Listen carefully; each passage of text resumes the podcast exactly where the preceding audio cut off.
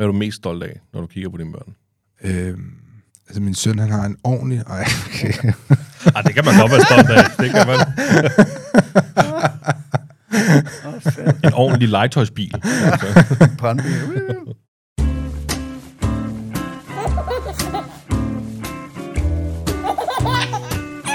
Det stolte far.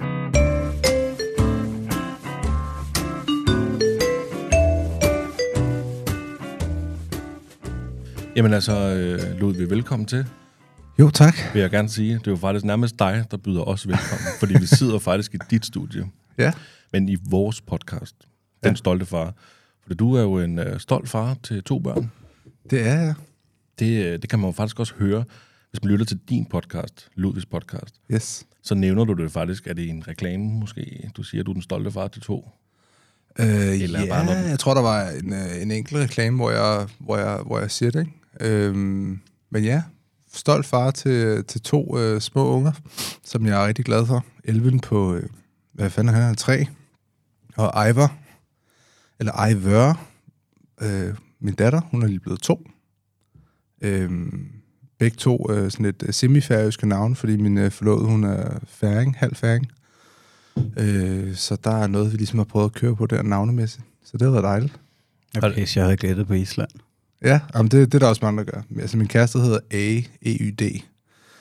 Øh, Olfsen Bakke. Så det er sådan en meget, meget avanceret navn, hun har. Jeg husker, da jeg mødte hende, så tænkte jeg, hold da op, hun er ret eksotisk endda. Og det, og det synes jeg stadig, hun er. selvfølgelig. Men der er der ikke, øh, der er der ikke lang tid imellem. Der er der, det er gået rimelig stærkt med at, øh, at få nummer to i støbeskeen der. ja, altså jeg har jo været, øh, man kan sige, øh, Elven med vores søn var planlagt. Øh, ham havde vi brugt næsten et års tid på at, at, at få, øh, hvor vi også altså, begyndte at, at kigge på, altså vi var rent faktisk blevet godkendt til fertilitetsbehandling og sådan noget.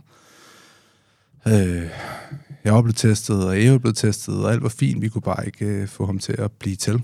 Øh, men vi begge to øh, sådan, øh, nogle mennesker, som sådan, godt kan gå sådan lidt øh, i project mode, når vi først går i gang med ting og sætter os for noget, så går vi begge to meget sådan målrettet efter det, og var nærmest sådan minutiøse i forhold til, hvornår vi skulle have sex og sådan noget, så vi ramte den rigtigt og sådan noget. Så jeg tror, det at lave ham blev meget mere et projekt. Og øh, så sker der jo nok bare det, som man hører i mange tilfælde, at så slapper kvindekroppen ikke rigtig af, når det bliver et projekt at lave børn. Så spænder den op, og så øh, kommer der ikke så mange børn ud af det. Så der er mange, det er derfor, der er mange, der siger sådan, øh, Nå, men øh, skal I have barn? Jamen husk at hygge jer med det, og drikke noget rødvin, og, og sådan, have det hyggeligt, du ved, fordi at, jeg tror, der er noget om det. Man hører det også tit fra folk, der sådan siger sådan, Nå, men da vi rent faktisk droppede tanken om at få børn, så blev vi gravide. Fordi at det var der, at der ligesom blev slappet af med at prøve at, at lave børn. Ikke? Så vi prøvede et år og skulle lige tage fertilitetsbehandling, og så Øh, øh, hvad hedder det, øh, var det ligesom om, at den besked, at vi fik accept på, at vi skulle starte fertilitetsbehandlingen, så blev hun gravid naturligt af sig selv. Øh, og ja, og så, øh, så fik vi vores søn ni måneder efter. Det var fedt. Og så, øh, hvad det, et år og tre måneder efter, kom en lille søster til verden. Øhm, jeg skulle nærmest bare kigge på min kæreste. øh, så var hun gravid igen. Der var I meget afslappet.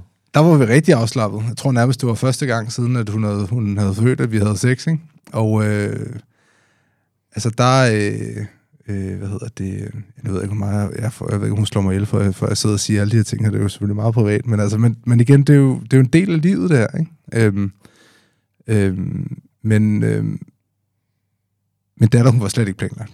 Altså sådan, så da min, da, da min forlovede kommer ind til mig og siger sådan, hey, jeg er gravid igen, så tænkte det første, jeg tænker, det bare fuck, fordi vi sidder midt under corona, jeg er selvstændig, jeg driver en virksomhed, jeg har ansatte, alle kunder falder fra og sådan noget, så lige oven i den, nå, men jeg er også lige gravid, vi skal, vi skal lige have et, et barn til, der er lige en til her, der skal forsørges, ikke?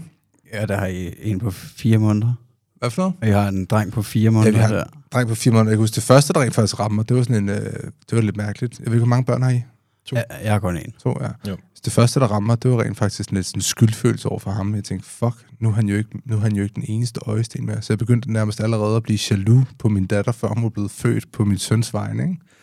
Jamen, det, Øh. øh. det, det kan være rigtig svært, det der. Ja. Det kan jeg huske nemlig med min egen. øh, Vi har, jeg har en på øh, tre og en på otte uger. Mm. Og, øh, og, og jeg kan huske, vores tanker, det var det der med, kan vi elske nummer to lige så højt, som vi elsker nummer et? Ikke? Ja, det kan man, det, det kan man, men det ved man ikke, når man kun har den ene. Ja. Var det også sådan for dig? Ja, altså 100, jeg... Øh, altså, jeg tror bare mest af alt, øh, da, da, hvad hedder det, min kæreste blev gravid med vores datter, der var jeg bare bange. Fordi at det var sådan en hård tid i forhold til covid, og været igennem alt det, og også været igennem stressen med at få sit første barn. Øh, fordi det, der jo skete, øh, da min søn Elvin blev født, det var jo så, at der var en, han blev født i februar 2020, og marts 2020, der lukker helt landet ned. Og, og øhm, jeg kom fra en periode i mit liv, hvor jeg havde øhm, været, øhm, øhm, hvad kan man sige, jeg havde levet i mange år af at være DJ og være i nattelivet, og jeg havde haft lidt semi-problemer med, eller ikke problemer, jeg havde drukket for meget og taget for mange stoffer og alt sådan noget der, og jeg var et sted i mit liv, hvor jeg ikke var glad, så jeg valgte at vende mit liv om. Det gjorde jeg også, da jeg ligesom mødte min, øh, min forlovede. Øhm, og øh, så jeg synes ligesom, at jeg var kommet et sted hen i mit liv, hvor jeg sådan tænkte sådan, fedt, nu er der sket en ændring. Jeg har sgu fået en søn, og jeg har et firma, der, der kørte godt der i februar 2020, og det hele så sådan meget, så sådan meget lyst ud for enden af tunnelen. Og så sker alt det her. Og så den der stress med, jeg kan huske at være selvstændig jeg tænkte sådan, fordi det var mig, der skulle arbejde, det var min kæreste oppe på barsel. Vi havde lige købt sommerhus og sådan noget, og jeg havde sådan en, det var sådan en ret stor investering, kan jeg huske, og jeg tænkte, shit, altså sådan, hvad fanden foregår der? Det var meningen, det skulle gå godt nu, ikke? Øhm, så jeg tror, hvor fedt det end var at blive sådan, altså det var super fedt at opleve covid øh, som selvstændig, og lige have fået et barn inden, fordi jeg blev tvunget fri, og jeg fik også en lidt erstatning, men det var jo ingenting i forhold til, hvad man rent faktisk tabte. Og de udgifter, der skulle betales, der skulle stadig betales løn, der skulle stadig betales øh, husleje, der skulle stadig betales en masse ting, øh, som ikke blev dækket 100% af staten. Og løn til mig selv, klemte. Det var der ikke noget af, jo. Øhm, så, så hvor fedt det var, end var, så var det også med sådan en frygt. Øh, og det var, min, det var sådan lidt en del af min søns første, første del af hans liv, og det er jeg selvfølgelig ret ked af, at det var sådan, men sådan er det vel bare at være selvstændig. Altså, det er jo, det er jo de, man sige, de kort, man har, man, man får på hånden. Ikke? Altså, når, når, og jeg var jo ikke den eneste, der var også super mange andre mennesker, der også havde det hårdt i den tid der. Ikke?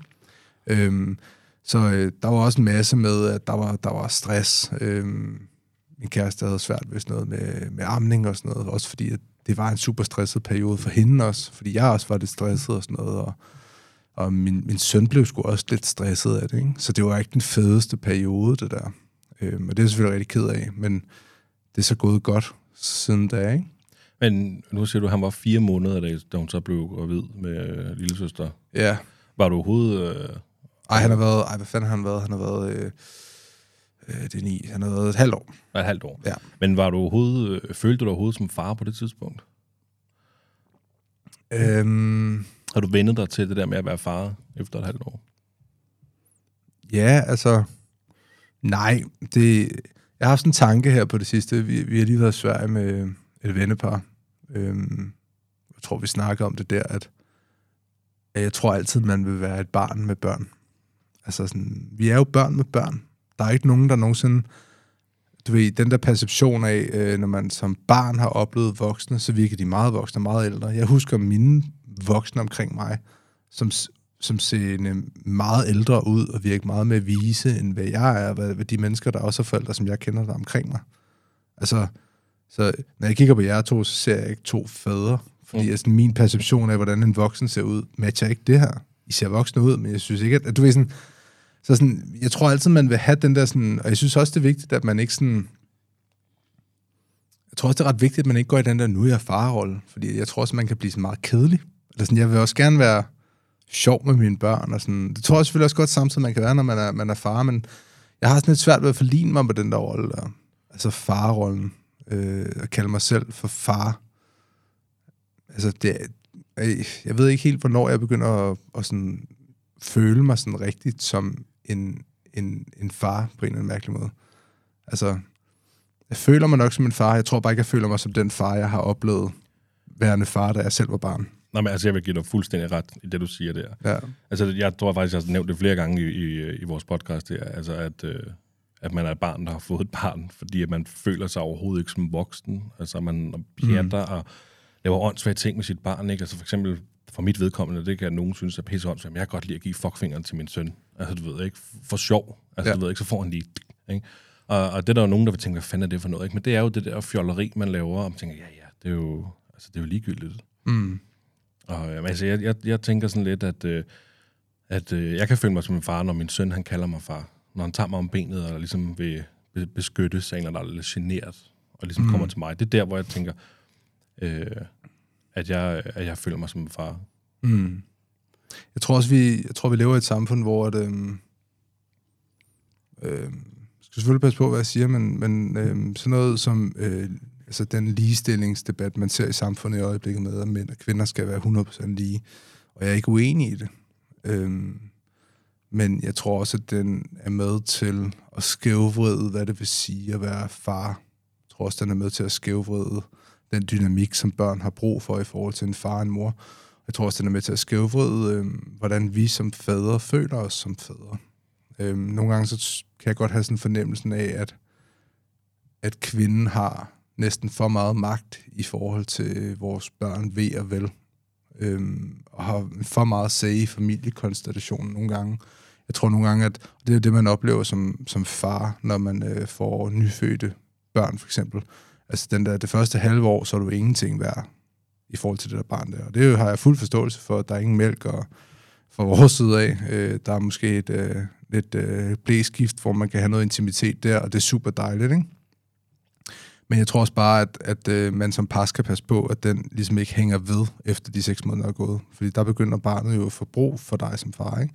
Og der tror jeg også, at kvinder nogle gange rent faktisk skal være bedre til at hjælpe deres mænd til at komme ind i farrollen. Fordi de har haft en intimitet de første seks måneder med barnet, som faderen ikke har. Så det er rent faktisk også, der hviler ret stort ansvar på morens skuldre om og ligesom at sige sådan, her er dit barn, øh, og, og lære på en eller anden måde, fordi at, at, at, lære faren at være en lige så god forælder, som, som hun er. Ja, Altså- hun har jo meget større erfaring, ikke? Ja, hun skal give noget plads der, når hun er kommet ud over... Ja, og, og bare sådan, øh, tror jeg sådan... Det er svært, ikke? Fordi at... At... Øh, jeg ved ikke hvorfor, men sådan, selv i den rolle, jeg har haft som far, har jeg altid godt kunne... Og, og det har ikke været min, min forlovedes intention at sådan underkue mig, men jeg tror, man kan sådan ret nemt blive underkuet som, som far, hvis man ikke har hvis man ikke har mindsetet klar til at blive far, og forstår, hvad det rent faktisk vil sige, det at være far. Jeg tror, der er mange, der får børn, og så tænker de, mange mænd, der får børn, og så tænker de, nu skal jeg bare, hvordan er far ligger og ruller rundt op på gulvet, og det hele er bare hyggeligt og rart hele tiden, og man har sådan et urealistisk perspektiv og drøm omkring, hvad, hvad det vil sige at blive forældre og være far, man er den her stærke far, der kan dit og datten, ikke? Men sorry to say, det kommer højst sandsynligt nok bare ikke til at ske. Der kan ske så mange mærkelige ting. Ikke? Der kan være så mange dynamikker, og dynamikken i parforholdet ændrer sig også, når man bliver øh, forældre sammen jo. Altså sådan sex, by i Rusland, ikke? Øh, hvad hedder det? Øh, date nights, farvel til dem, hvis man ikke har en familie, der kan, der kan passe en gang imellem. Ikke? Øh, ude at have det sjovt med vennerne, det får man lige lov til en gang imellem, hvis, hvis man har et barn, der ellers ikke har kolik eller, eller et eller andet andet. Ikke? Altså sådan, så sådan, jeg tror, for mig har det sådan, øh, jeg tror, inden jeg blev øh, forælder, der, øh, inden jeg blev far, der øh, prøvede jeg virkelig på sådan at øve mig i ikke at have forventninger til, hvordan tingene skulle være. Og det har jeg så specielt været god til med min datter, fordi der har man ligesom prøvet det første gang.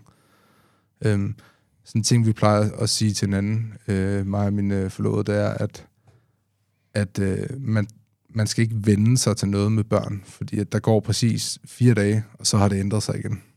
Altså, det der med, at man møder nyfødt, hvis man, man møder nye øh, forældre, eller hvis man er et vennepar, der har fået et, et barn eller et eller andet, der siger sådan, ej, nu sover lille Per endelig, ikke? Øh, to måneder gammel, og nu er den der, så hvor jeg bare sådan, bare vent. Altså, om, om en måned, så, så sover han ikke mere. Altså, du Ja, ikke? det er jo også der, hvor man har de der tierspring, hvis du kan huske dem. Ja, det er det? Der, der kan jeg da huske i hvert fald, at, at der var perioder, hvor vi tænkte, fuck mand, nu har han opført sig sådan her de sidste tre dage, mand, er der noget galt?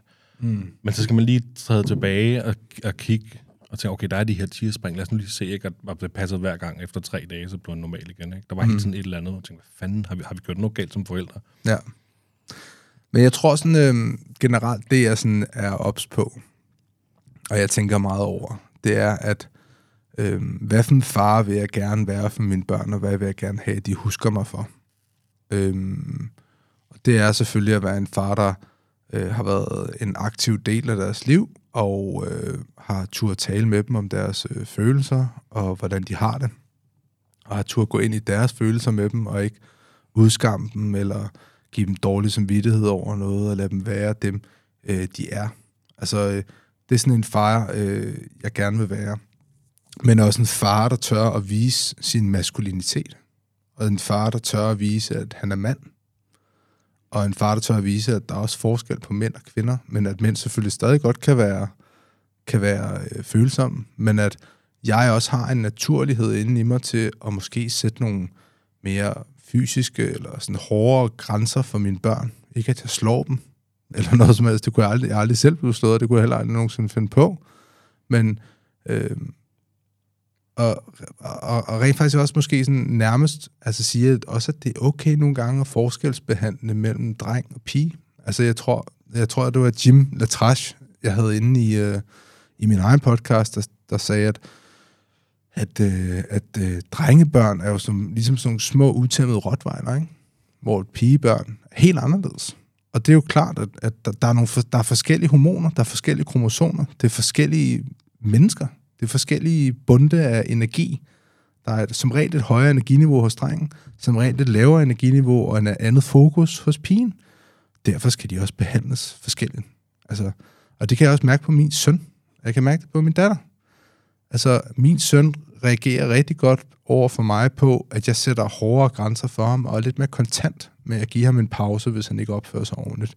Øh, eller, eller sådan, ikke sådan holde ham fast, men være sådan, sæt, nu sætter du dig ned her, og så han kan mærke min fysik, han kan mærke min fysik på en eller anden måde. Han kan mærke, at jeg har fat om ham, men ikke, altså det er ikke fordi, det lyder helt forkert, når man, øh, når man sidder og taler om det her altså i en podcast, ikke? Det er fordi, jeg ryster ham eller noget, men han kan mærke, man kan, han kan mærke, at jeg er der som mand, du ved, ikke?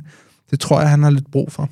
Og ja. det kan jeg mærke, det kan jeg mærke at han, han reagerer ret godt på, i hvert fald i forhold til mig. Ikke? Ja, men jeg skulle lige til at spørge på, om, om han reagerer på det, og også i forhold til, at han reagerer på, at der måske er lidt mere loose over for din øh, datter. Ja, altså sådan, nej, fordi det, og fordi det sjove er, at min, min datter, hun ryger jo slet ikke op i de der energiniveauer, der, som han gør. Så hun er også yngre, men jeg kan da huske, da, da, da, da, da hvad hedder det, han var to ligesom hende, der var der meget højere, meget mere knald på, meget, altså du ved, så jeg kan klart mærke forskel på kønnene. Ikke? En anden ting, jeg også har kunne mærke forskel på kønnene, det er, øh, hvad hedder det, øh, det er min datters naturlighed i forhold til at lege med dukker og kjoler og sådan noget. Det er sådan helt, og vi har aldrig, fordi at min datter, hun har kun haft min, min søns legetøj. Altså sådan, fordi det er jo bare, sådan er der at være nummer to, du arver bare ting, ikke?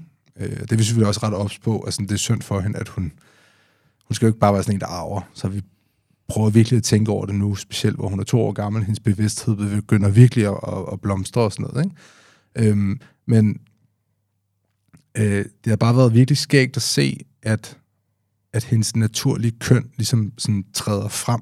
Vi har, ikke, vi har ikke vandet det med lyserød gødning og lyserødt vand og sådan noget, og givet en tyldskørt på og sådan noget. Det har vi aldrig gjort. Men lige så snart hun ser en dukke, eller lige så snart hun ser et eller andet, der er lyserødt, haps, og så er det kramme og, og sådan noget. Ikke? Og vi står og kigger på den anden side, hvor fanden kommer det fra? Ikke? Men det må, der må være et eller andet. Selvfølgelig kan det også være vuggestuen, der er med til at fremme et eller andet, men, men jeg tror det ikke, fordi der er de også ret sådan neutrale derovre, at ungerne skal have lov til at lege med, med hvad de vil. Ikke? Så det er sådan ret fedt at se sådan naturens gang øh, gå. Altså, det kunne også godt være, at du ved, hun kun med biler, hun finder ud af, når hun bliver ældre, at, at hun føler sig som en dreng. Fint. Altså sådan, det, jeg elsker hende stadig. Altså, hvorfor skulle jeg ikke gøre det? Altså, øh, men, men det har bare været sjovt at være, være vidne til. Den, er, er det to forskellige køn, du har? Nej, to drenge. To drenge, okay. Ja. Fordi jeg var jo sådan... Øh, jeg, jeg har jo altid været sådan lidt, åh oh shit, man skal passe på i forhold til sådan noget wokeism og woke-kultur, og øh, skal jeg passe på med at give hende en dukke, og tvinger jeg hende så over i at prøve at skulle være en pige og sådan noget, fordi vi er i sådan en kultur, hvor det er sådan, det skal være, ikke? Men er det ikke okay, synes du? Hvad for noget? Sådan at og ligesom sige, du er en pige, nå, så altså den vej. Du skal lyserøde ting, dukker, og du er en dreng, det er biler, og det er blå, eller... Øh. Jeg tror, man skal fornemme sit barn. Altså sådan, øh, så, man, så det er lidt den der med at lægge to ting foran hende. Og så tager hun brandbilen altid, eller soldatertingene, så, så har hun ligesom valgt der, ikke? Så jeg tror, man skal gøre det sådan... Jeg tror, man skal... Jeg tror, det er også det at være en god forælder, det er virkelig at sådan kunne øh, sætte sig selv ud og spille og så bare jagtage sit barn og analysere dem, og sige sådan, hvad er det egentlig, de gerne vil? Fordi at de ved det jo ikke selv. Altså man skal hjælpe dem til at... Nogle gange skal man også hjælpe dem til at bede om det, de gerne vil have, fordi de også ikke kan udtrykke sig og sådan noget, ikke? Øh, der kan opstå rigtig meget frustration, tror jeg, hos børn. Specielt dem, der sådan er lige ved at lære at tale og sådan noget. For eksempel min søn, han er... Jeg har på fornemmelsen, han er sådan, sådan meget intelligent.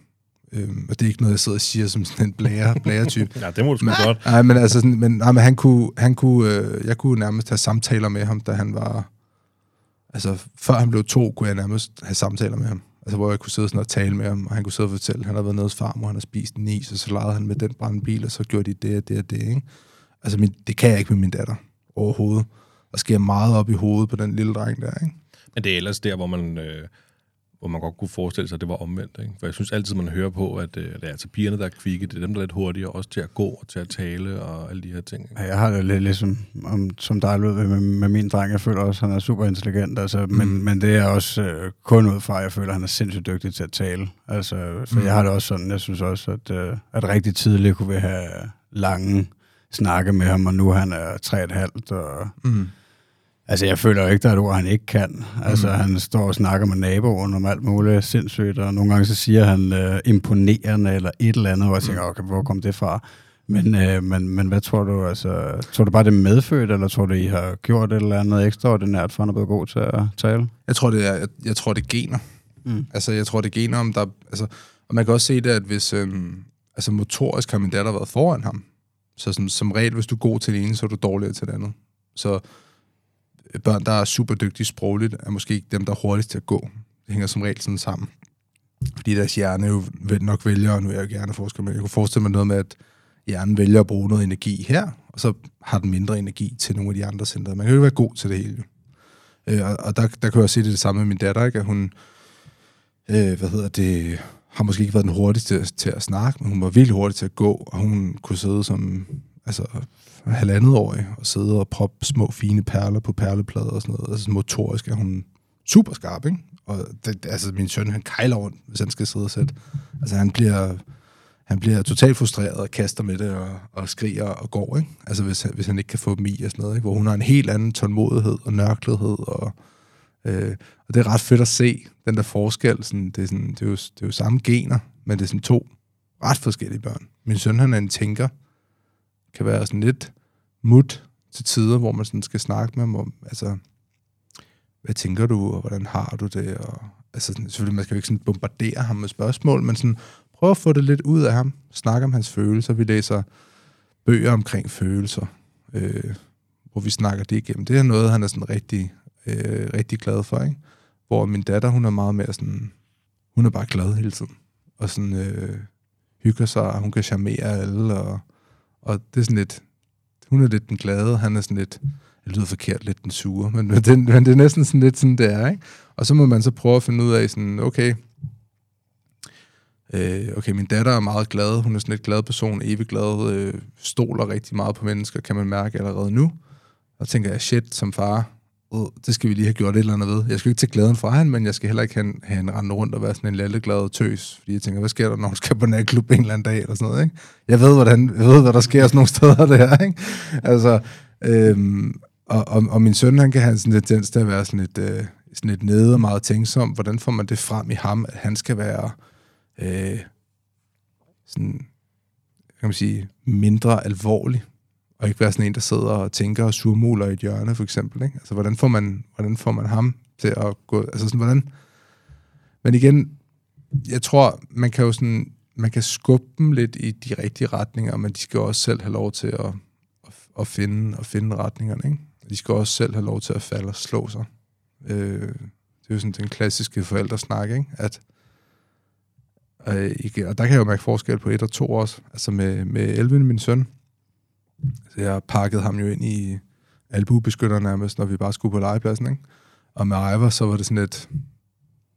Ja, whatever. Vi, vi laver en til, ikke? Jamen, altså, var det, fordi han var nummer et? det var nummer et jo, ikke? Altså, Okay. Så man var jo ikke bevidst om, at hvad, hvad sker der med sådan en dreng, når han gør det her, eller hopper ned herfra. Og, altså sådan, så man ville jo bare passe på ham for os, fordi vi havde brugt så lang tid på at lave ham, ikke? Og, sådan, og fordi vi elsker ham selvfølgelig. Altså, det er jo først og fremmest derfor, ikke? Men, men, øh, men man er sådan lidt mere large med nummer to, synes jeg. Var, Det- altså nu, nu, Jeg tror, du vil komme til at opleve Ja, også, men jeg er lidt spændt på det, fordi allerede øhm, fra de helt små, altså jeg kan huske, da den første kom til verden, Eddie der, han, øh, altså da, han, da vi lige kom ind på hospitalet, der satte vi vækkeuret, eller uret, en gang i timen, for at Mm. se, trækker han vejret, trækker han vejret. Ja. Og det har vi ikke gjort på noget tidspunkt med, øh, med Elliot, nummer to. Der, det kører bare, ikke? Altså, øh, min søn Elven, hvis han faldt ned fra sofaen, fordi han havde, var begyndt at lære at rulle, og vi lige var gået i køkkenet for at lave en kop kaffe, og det tror jeg, der skete en gang, hvor han faldt ned eller sådan noget. Altså, der var vi jo ved at tage på skadestuen. Øhm, og det er altså et, et drop på 20 cm eller sådan noget, ikke? Altså, min datter, hun faldt jo ned fra sofaen hele tiden. Det var sådan, "Nå, det går nok. Det går. Ja, ja, nej, men det er op igen og sådan noget, ikke? Altså, så lærte du det, ikke? Altså, det er jo ikke, fordi vi sådan kaster rundt med dem, men, men man bliver bare sådan lidt mere øh, large, ikke? Og, og jeg tror også, at det er sådan en, øh, en vigtig ting, man, man skal tage med sig til os, når de bliver ældre. Det er det her med, at sådan, altså, det er virkelig vigtigt for mig, at, at jeg lader dem falde og slå sig, så længe det ikke er livsfarligt. Altså, så længe de ikke gør ting, der direkte sådan er livsfarlige, så gør jeg alt, hvad jeg kan for at stoppe dem. Men, men øh, hvis min, jeg tror i hvert fald, jeg tror jeg faktisk med dem begge to, fordi de er begge to ret stadige. Altså, hvis jeg siger til dem, lad være med at gøre det der, og de kigger på mig, og de gør det alligevel, altså så kunne jeg have tendens til at sige, så må I, så må I falde og slå jer. Altså fordi at man lærer bare ikke noget af at blive grebet. Altså, det gør du bare ikke. Altså, øh, det, det, det, det, jeg tror, det er sådan en bjørnetjeneste, man kan, man kan gøre sine børn. Og det gælder jo ikke kun ved at falde fysisk og slå sig, det, det gælder jo også ved det psykiske. Altså, øh, hvad for nogle venskaber skal jeg indgå? Hvordan skal jeg bevæge mig i mit liv? Det, du kan gøre for dine børn, det er, at du kan give dem et øh, godt moralsk kompas. Og du kan gøre dem gode til at være gode mennesker. Øh, så sådan noget, jeg snakker rigtig meget med min søn om, og, og også, vi også prøver at få ind i, ind i mine øh, ind i vores datter, det er jo det her med at sige sådan, så hvis jeg henter ham fra børnehaven, så spørger jeg ham, har du haft en god dag i dag selvfølgelig? Og så siger han, ja. Så spørger jeg ham, har du været, har du været god ved de andre i dag? Og så siger han, ja. Nå, men hvad har du gjort? Nå, men jeg har sagt det her til ham her, eller gjort det her ved hende her, eller æget øh, pædagogen, eller et eller andet. Og så stille spørgsmål til, Nå, men hvordan så de så ud, da du gjorde det? Eller hvordan, hvordan, øh, og så, jamen, de er så glade ud. Hvordan ser man så ud? Jamen, så smilte de. Altså sådan prøve sådan at arbejde empati ind i dem. Det her med at lære at være gode mennesker, ikke? Og lære dem, at jeg siger jo selvfølgelig til min, til min søn, at han er, han er smuk. Men jeg siger også til ham, at han er god. Og så stiller jeg ham spørgsmålet, hvad, hvad synes du er bedst, at være smuk eller være god? Og så har han jo lært at sige, men at være god selvfølgelig. Fordi det er det at være god ved andre mennesker, ikke? Og, Men jeg kan godt lide den måde, du takter det på med at spørge, hvordan deres dag har været i, øh, i børnehaven.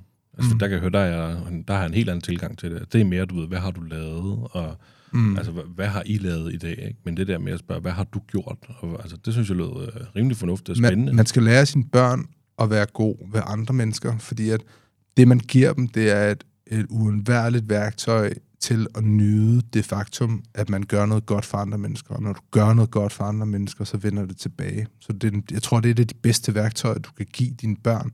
Det er empati, og det er at være god med andre mennesker, fordi så kommer de langt i livet. Der er ikke nogen, der gider at lege med idioten. Der er ikke nogen, der gider at lave øh, podcast med mig, hvis jeg var en spasser og behandlede andre mennesker dårligt, fordi mine forældre har været dårlige til at opdrage mig. Altså, der er jo et eller andet, der er gået rigtigt i min opdragelse, ikke? Fordi at derfor vil I ikke godt sidde og snakke med mig, eller synes jeg er en interessant person at snakke med, fordi at jeg er sød og rar og venlig, ikke? Altså, og det tror jeg, det er det allervigtigste, man kan, man kan gøre for sine, øh, gøre for sine børn. Kig sådan meget objektivt på mig og sige, hvordan kan jeg være med til at gøre dig til et menneske, som andre mennesker godt gider at være sammen med? Men øh, afspejler din måde at opdrage dine børn på, dine forældre, som har opdraget dig? Mm. Ja, altså det, det synes jeg da. Altså, øh, min, min, øh, min mor har altid været god til at sådan, hvad kan man sige, installere, installere øh, sådan empati i mig. Altså det har været sådan noget med, hvis der var nogen over i skolen, der er blevet mobbet, så hun opfordrede mig til at stoppe mobberne. Så jeg har været den der sådan lidt øh, hellige kriger der nærmest, ikke, som de, alle de andre havde. Men heldigvis har jeg haft størrelsen med mig. Fordi hvis jeg havde været en, altså hvis jeg havde været øh, meget lavere, end jeg er nu, så, så havde jeg bare fået tæv, ikke? Men de kaldte mig bjørnen i folkeskolen, ikke? Så det var sådan, jeg var meget høj, meget hurtig, ikke?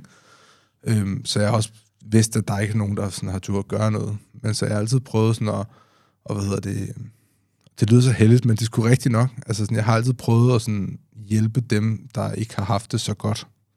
Øhm, øhm, man kan så sige, øhm, men der er så også bare en balance i det, fordi at man kan også komme til at glemme sig selv og fokusere mere på andre, og sørge for, at andre mennesker har det godt. Ikke? Så der er også en balance i det. Man skal også lære sine børn, at, at øh, hey, du skal også tænke på dig selv, altså iltmasten på dig selv først. Øhm, så livet handler jo ikke bare om at rende rundt og gøre andre mennesker glade. Det skal man jo også lære dem. Så der er jo en balance altså, i det. Ikke? Men jeg tror bare med, med empati og med forståelse for andre mennesker, og kunne fornemme, hvordan andre mennesker har det, kommer du sindssygt langt. Ej, jeg, jeg kan virkelig godt lide det der, også altså med at, øh, at, at spørge ham om, øh, om han har gjort noget godt for andre i børnehaven. Altså fordi at, øh, det er ikke fordi, jeg tænker, at min søn han er nar over for andre eller noget, men jeg kan godt... Øh, altså faktisk mest over for mig hans mor, der kan jeg godt nogle gange tænke, øh, der kan han godt være lidt nar, ikke? Øh, altså i, i hvert fald i form af, altså han har ikke rigtig nogen fornemmelse af, at det går ondt, når han slår, eller hvis han hopper på mig, eller et eller andet, du ved, og sådan nogle ting. Men, altså, men der ved jeg ikke, om der bare er stor forskel på, hvordan man opfører sig over for sine forældre, når man er en lille dreng, og hvordan man opfører sig over for andre. Jamen altså, vi er jo, øh, det, det er i hvert fald sådan, jeg ser det, at øh, når børn bliver født, så bliver de jo født uden forståelse for noget. Det er jo clean slate, så de ved ikke, at en kniv gør ondt, og en bamse er blød. Det skal vi lære dem, ikke? Når de så kommer i børnehave, for eksempel, ikke? så øh, hvad hedder det, deres øh, øh hvad hedder det, virkelighed eksploderer jo af indtryk, eller når de kommer i vuggestue, der sker store skift og sådan noget. Det er også derfor, vi har oplevet, at, at hver eneste gang, der er sket et skift i min, min søns liv, nu bruger jeg ham som reference, at så har han reageret, når han er kommet hjem. Så man kan hente ham over i børnehaven, og så kan man sige, har han haft en god dag? Det var lige, da han startede børnehave. Det var mig, der kørte ham ind.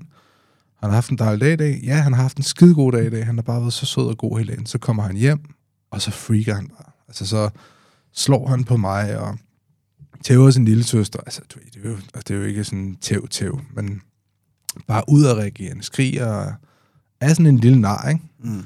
Øhm, men vil man ikke også selv gøre det, hvis man havde været et sted hele dagen, hvor alt var nyt, man skulle bruge al sin energi på at holde sig sådan... Altså, altså du ved, det er, jo, det er jo bare sådan en... en, en, en øh, han ved ikke, hvad han skal gøre med hans følelser. Han ved ikke, hvad han skal gøre af dem. Og så, og så er det, så er det reptilhjernen, tror jeg, der, der ligesom slår over. Og så går man i, i det her mode, hvor at han er, han er sådan... Ja, ikke, ikke af sig selv, ikke? Og det har jeg ondt af. Og der vil jeg jo gerne prøve sådan at... Og det er jo let nok for mig at sidde og sige nu. Altså, fordi hvis jeg kommer hjem... Hvis jeg kommer hjem fra arbejde og har haft øh, 10 dårlige opkald, og hvad hedder det, øh, med øh, kunder, der har opført sig helvedes til, og der er lortemails, der er tækket ind, jeg har haft en fucking dårlig dag, ikke? Og min søn har været i børnehave, og han måske har haft en god dag, men han har brugt al sin energi, og han forstår ikke, hvad hans liv er nu, og, hvad, og der er hende der, den lille pige, der var et år ældre end mig, sagde også et eller andet mærkeligt til mig, og, og så blev jeg også lidt semiskældt ud af pædagogen, fordi at jeg ikke spiste ordentligt, for eksempel, fordi det har jeg ikke helt lært endnu, og det er kæfttrit af retning i en børnehave, når du kommer fra en vuggestue. Så når en, en, øh, en søn, der kommer hjem, hvor hele hans energiballon er tømt, og en far, der kommer hjem, hvor hele hans energiballon er tømt, og en mor, der kommer hjem, hvor hele hans energiballon er tømt, og han er reagere, så ender det bare ikke noget særligt godt. Og der skal man virkelig være sådan voksen, ikke? Der skal man fucking være voksen. Kan du godt finde det frem der, det voksne i det? Ikke altid, men jeg er blevet bedre til det. Altså, øh, øh, altså jeg har da for nylig lige øh, lavet, lavet et, øh, et, et stort dejligt hul i en af vores, en af vores skabslåger, ikke? Fordi, fordi jeg var så frustreret. Jeg var så frustreret. Altså, og det, og øh, jeg lukker, jeg lukker døren og går ind, og så i ren frustration slår jeg hånden igennem en, en, en skabslåg, ikke? Altså, og hvor jeg også bliver chokeret over mig selv. Men jeg vil godt være ærlig omkring en ting, det er, at det var fucking dejligt. Det var fucking dejligt at komme ud med det. Altså, øh, på en eller anden mærkelig måde. Ikke? Siden da jeg begyndte at kigge på sådan noget øh, kampsport og sådan noget, er der en eller anden måde, hvor jeg kan komme ud og få brugt min krop og sådan få, få følt mig selv som sådan, sådan som, som en mand, Man, rent gør, faktisk. man dyrker du ikke noget sport eller motion eller noget? For Jo, jeg, jeg, træner, jeg træner hver dag og sådan noget, ikke? Ah, okay. Men altså, så det er jo sådan en, det er jo sådan meget, meget ægte, altså det er jo meget ægte følelse, og jeg gider heller ikke sidde sådan og være sådan, åh, du ved, fordi det, nej, det går bare rigtig godt, og det er slet ikke hårdt at være far. Det er fucking hårdt at være far, og det er fucking hårdt at være far til to børn. Og hvis man er sådan en som mig, der har ambitioner med noget, og godt vil lave en stor podcast, eller lave Danmarks største podcast, eller whatever, og også skulle lave det ved siden af at have to små børn, ikke? Altså, så skal man virkelig have tingene til at, at gå op i en højere enhed. Så skal man hacke sit liv til at finde ud af, eller sådan finde ud af hvordan, hvordan får vi det her til at fungerer, så der ikke opstår sådan nogle situationer, hvor vi alle sammen er så trætte og ender med at slå hånden igennem øh, en, øh, en, en skabslå i raseri. Der var selvfølgelig heldigvis ikke nogen børn, der så det, fordi jeg, igen, jeg gjorde det for mig selv, ikke? Fordi at, det er det også super vigtigt, tror jeg, at man, når man er forældre, og man vil opleve raserianfald og vrede, at man går væk. Altså, man skal ikke vise sine børn det der, fordi det har, de ikke, det har de ikke brug for at se. Men det betyder ikke, at det ikke er okay at vise det. Altså, det, det, skal, stadig, det skal stadig være der, man skal bare vise det væk fra dem, synes jeg. Ikke? Det, altså, de kan jo hurtigt komme til at frygte en, en eller anden form, ikke? Ja, lige Altså, præcis. der er jo også en grund til, at ens egen far bare kunne give øjnene. Mm. Ikke? Altså, det, øh, det, det kan godt være, at det ender med, at min søn, og jeg også bare kan give min søn øjnene på et tidspunkt, men, men de der øjne der, ikke, der ved man bare, okay, nu skal man ikke gå over grænsen, fordi så sker der noget med far, ikke? Og det, Ja. det, er jo ikke, det er jo ikke en rar følelse heller, jo. Nej, altså, og, og hvad hedder det, jeg vil aldrig nogensinde have, at mine børn skal frygte mig. Aldrig. Jeg vil føle mig, altså jeg vil, men jeg vil gerne have, at mine børn skal respektere mig. Så jeg vil godt have, at de en eller anden dag kan se, at nu forlanger jeg respekt, og det er de øjne, jeg giver dem. Mm. Øh, det skal ikke være frygtbaseret. De skal stadig vide, at jeg elsker dem, og have lyst til at ligge hos mig, og komme op og kramme og kysse, og alt sådan noget her, og nusse, og når vi skal i seng, og jeg kan ligge og holde om dem, og, fordi det er bare det bedste. Altså sådan, jeg elsker sådan noget der. Øhm, men jeg har også stadig brug for, at de, de respekterer mig. Øhm, og de respekterer det, som, som jeg siger. Og det, som jeg siger, er, er bare sådan, det er. Og der tror jeg også, at man... Sådan en ting, vi snakker meget om derhjemme, det er, at man skal huske på, at børn er jo... Altså, hvis man sammenligner børn i forhold til os nogle gange, så, så jeg er nødt til sådan at prøve at skabe nogle narrativer og fortællinger op i mit hoved, så jeg forstår dem på den rigtige måde. Og nogle gange, så er et af de tricks, jeg har, det er, at jeg rent faktisk forestiller mig, at mine børn er sådan handicappet. altså, sådan, fordi det er de jo. Mentalt er de jo... De er jo mentalt handicappet i forhold til os. Ja. De er jo de er jo slet ikke lige så udviklet, som vi er, for eksempel op i hovedet. Ikke? Og det kan jeg nogle gange glemme, specielt med min søn, der er god til at tale. Øhm, fordi der kan man nogle gange glemme, hey, han er rent faktisk kun tre år gammel. Men han, nogle gange lyder han som en på otte, ikke? Og så snakker man ham til ham som en på otte. Og så forstår han det jo ikke, fordi at jeg jo fortsætter i, du, du er gammel nok til at forstå det, men han, han er jo ikke gammel nok til at forstå det, jeg siger til ham. Øhm, så sådan noget som overforklaringer, i hvert fald med de små børn, og, eller jeg tror også bare generelt med børn, jeg tror, der er mange, der, der laver den fejl, og så siger de, øh, barnet siger, far, må jeg få en småkage? Og så siger jeg, på den, det er sådan den forkerte måde, så siger jeg, jamen det må du ikke, fordi vi skal have aftensmad om en time, og du har lige fået noget slik for en halv time siden, og du fik også lige nogle rosiner lige før, og hvis du får mere at spise nu, så kan du ikke spise aftensmad. Det er, jo ikke, det, det, er jo ikke, det er jo ikke det, barnet beder om der. Barnet vil have klare retningslinjer. Barnet vil have, at du siger til, altså når barnet siger, må jeg få en, en uh, kiks? Så siger jeg, nej. Men hvorfor? Fordi det vil far ikke have. Bum. Så Sådan det, der, ikke? Det er simpelthen alt for mange informationer på en gang. Det er alt for meget, det er alt for meget ikke? Jeg tror, der er mange, der... Og jeg gør det selv hele tiden, når min kæreste, hun sådan... Det er fordi, jeg sådan et, uh, usikker, kan være, have sådan en tendens at være sådan usikker på mig selv, så jeg skal altid sådan overforklare ting, ikke? Mm. Øh, og så kommer jeg også til at gøre det over for mine børn. Og det skader dem. Altså, det, Ja, du prøver måske også at retfærdiggøre det på en eller anden måde, hvorfor du siger nej. Ja, lige præcis. Ja. Fordi måske også kan man have sådan et niveau, at man også kan være lidt bange for sine børn. Man er bange for reaktionen, der kommer. Ja. Og så bruger man voksen taktikker. Og det dur bare ikke. Altså, det, specielt min søn, som er lidt udadreagerende, kan være lidt tænkende og sådan noget. Han har bare mega meget brug for klare retningslinjer. Øhm, Han har brug for, at vi siger til ham, hvad han skal gøre, og at han får et ja eller et nej, og det er sådan meget klart og tydeligt for ham. Hvis du får mudret i din kommunikation med dine børn, øhm, altså igen, det er også at gøre med bjørnetjeneste, fordi husk, at de børn, de har brug for ikke at skulle bestemme. Fordi det er alt for meget ansvar for dem, at skulle sådan føle, at de kan... Ja, det kan også bide en i røven på Jamen, længere sigt. Ja, men altså prøv at forestille dig at være sådan en lille barn der, altså der ligesom føler, at de har ansvaret for, hvad der skal ske. Hvornår skal vi spise aftensmad? Hvad skal vi have til aftensmad? Hvad kunne du tænke dig til aftensmad, lille unge? Nej, nej. Altså, du er, ja, Jamen, men det gør man jo netop for at klæde dem. ja men, men, men, men, det, men, men, det er jo men det er en bjørntjeneste. Ja. Det er en kæmpe bjørntjeneste. Man kan sige, på fredag er der fredagslik. Så går vi ned, og så må I vælge tre forskellige stykker slik hver. Altså, du er sådan simple ting. Men, men jeg tror bare, at man skal passe på med vanen i at inddrage børnene, specielt når de er små, for meget i, i beslutninger, der skal tages i familien, fordi at de har bare, verden er et mega stort og skræmmende sted for dem. De har bare brug for at vide, at deres forældre har styr på det, tror jeg. Så de kan fokusere på at være børn og lege. Ikke? Jamen, vi, vi prøver lidt derhjemme med, med min, øh, den store søn, ikke at, at, at netop sige, for eksempel som du siger med på fredag eller fredagslæg. Det, det, vil, det vil vi ikke sige på en onsdag. Fordi det kan han ikke håndtere. Nej. Det sammen med, at vi skal hjem til øh, øh, faster og onkel på lørdag. Mm. Det kan han ikke håndtere, eller mm. de, vi får besøg.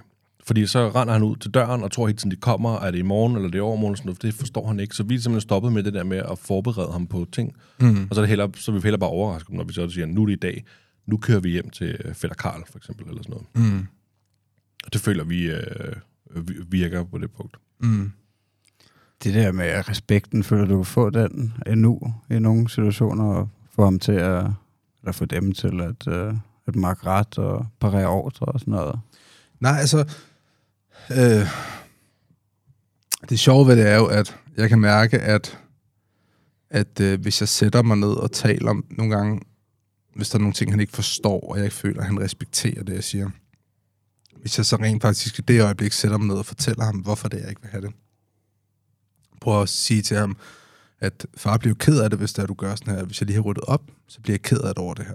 Altså sådan, når han er oppe i det der mode der. Selvfølgelig når, når børn kommer op i sådan drama-mode, hvor det er skrig og skrål og sådan noget, så er der ikke noget, der kan trænge ind til dem. Så skal man finde ud af, okay, hvordan får jeg ham fra high alert ned i, jeg kan tage information ind øh, mode øh, nu, ikke? Fordi jeg, sådan, jeg har prøvet det der med at sætte mig ned og sige, nu skal du høre en gang, når han er deroppe. Not gonna happen. Altså fordi, at han er der slet ikke, ikke? Øhm, og der kan jeg mærke, at der kan vi nå sådan en fælles forståelse øh, for hinanden, og sådan en fælles respekt. Også det her med at fortælle ham sådan, prøv her, jeg, jeg er jo ikke, far prøver på at hjælpe dig. Jeg prøver på at få dig til at have det godt. Jeg prøver på at gøre nogle ting, som, som, øh, som gør, at du ikke kommer til skade, eller der er en grund til, at du ikke må gå ud på vejen og sådan noget. Der er vi selvfølgelig væk fra det der ja eller nej. Men det der ja eller nej, at kunne give det konsekvent, det er på sådan nogle... Det er på ting, som ikke skal diskuteres. Så må jeg få noget slik? Nej. Kan du, øh, whatever, kan du lege med mig nu? Nej, det kan jeg ikke. Far laver mad. Kan du, og, og, og, og måske nærmest, far laver mad, er nærmest også for meget der. Det skulle måske også bare være et nej, ikke? Men hvad, kunne, du Så- ikke, kunne du ikke finde på at ligesom, lige med den her far laver mad, og så sige, øh, "Jamen, far laver mad, men når vi har spist, så vil jeg gerne lege med dig. Jeg tror allerede, det er for At- meget der, fordi ja. det er for meget for ham, når han er tre år gammel at forstå. Altså, jeg, jeg, jeg tror, at... Øh, jeg tror, det er for mig det er lidt sådan slippery slope ind, at så bliver det næste gang, han spørger, jamen, når efter vi har spist, fordi far laver mad, og så også lige det her, og så kunne vi gøre sådan her. Så det bliver sådan værre, værre, værre. Mm. Jeg, jeg holder meget sådan mig selv oppe på at prøve at gøre det klart og tydeligt for vores børn, at være vores børn. Men øhm. det giver også totalt meget mening, men hvis min søn kommer og spørger, om jeg vil lege, jeg vil mega gerne lege, jeg har mm. ikke tid til det, Mm. så vil jeg godt, øh, føler jeg det, jeg siger slet ikke, det er korrekt, det jeg vil gøre, men, men så siger jeg til ham, ved du hvad, når, vi har, når far har lavet mad, og vi spiser, så vil jeg lege med dig, ikke? for Mm. at glæde ham. Ja. Det kan godt være, det er forkert. Øhm, Nej, nej, men- nej, ja, nej, det tror jeg da slet ikke. Jeg tror også, det er også forskelligt for børns børn. Altså, altså vores søn er jo, øh, øh, hvad hedder det, sådan meget sensitiv, ikke? Altså, så, og når han er der og kan sådan, måske en tendens til at overtænke ting, så har han bare, han har brug for klare retningslinjer. Hvor jeg tror, det bliver noget andet med min datter. Så det kommer også, det lyder til måske, at du har en søn, der sådan er lidt mild. Ja, det kan han godt være, men han kan godt nok også øh, være en... Være rowdy. Ja. Ja. Jeg tror også, det er meget forskelligt mm. fra, fra børn til børn, og jeg tror kun, man kan mærke det som forældre, altså på sit eget Mm. barn, hvad fanden, øh, altså hvis man i hvert fald øh, mærker ordentligt efter, og, og så øh, og, Mm. og nærværende, ikke? Og Ja. altså finde ud af, hvad, hvad det er, man skal præsentere dem for. Jeg synes, jeg har haft øh, relativ succes med, at når vi har skulle noget større, sådan, øh, altså, så, så forberedte ham lidt på det, også hvis det var noget, jeg synes, har tænkt, det her det bliver måske lidt svært, ikke? At øh, han skal til tandlægen, eller øjenlægen, eller hvad fanden det nu har været, ikke? Mm. Mm. Så jeg prøvet at forberede ham på det sådan nogle dage før, og det, det føler jeg har været en, en succes, men jeg kan godt følge dig, det der. Det er jo også at, en stor ting, jo, ikke? Altså sådan, at vi Jo. forbereder ham jo også, hvis han skal hjem og sove hos farfar, så forbereder vi ham et par dage før og sådan noget, ikke? Men det er mere sådan at sige sådan, hvornår tager vi de lange forklaringer? Skal ja. ikke tage en lang forklaring ved en kage.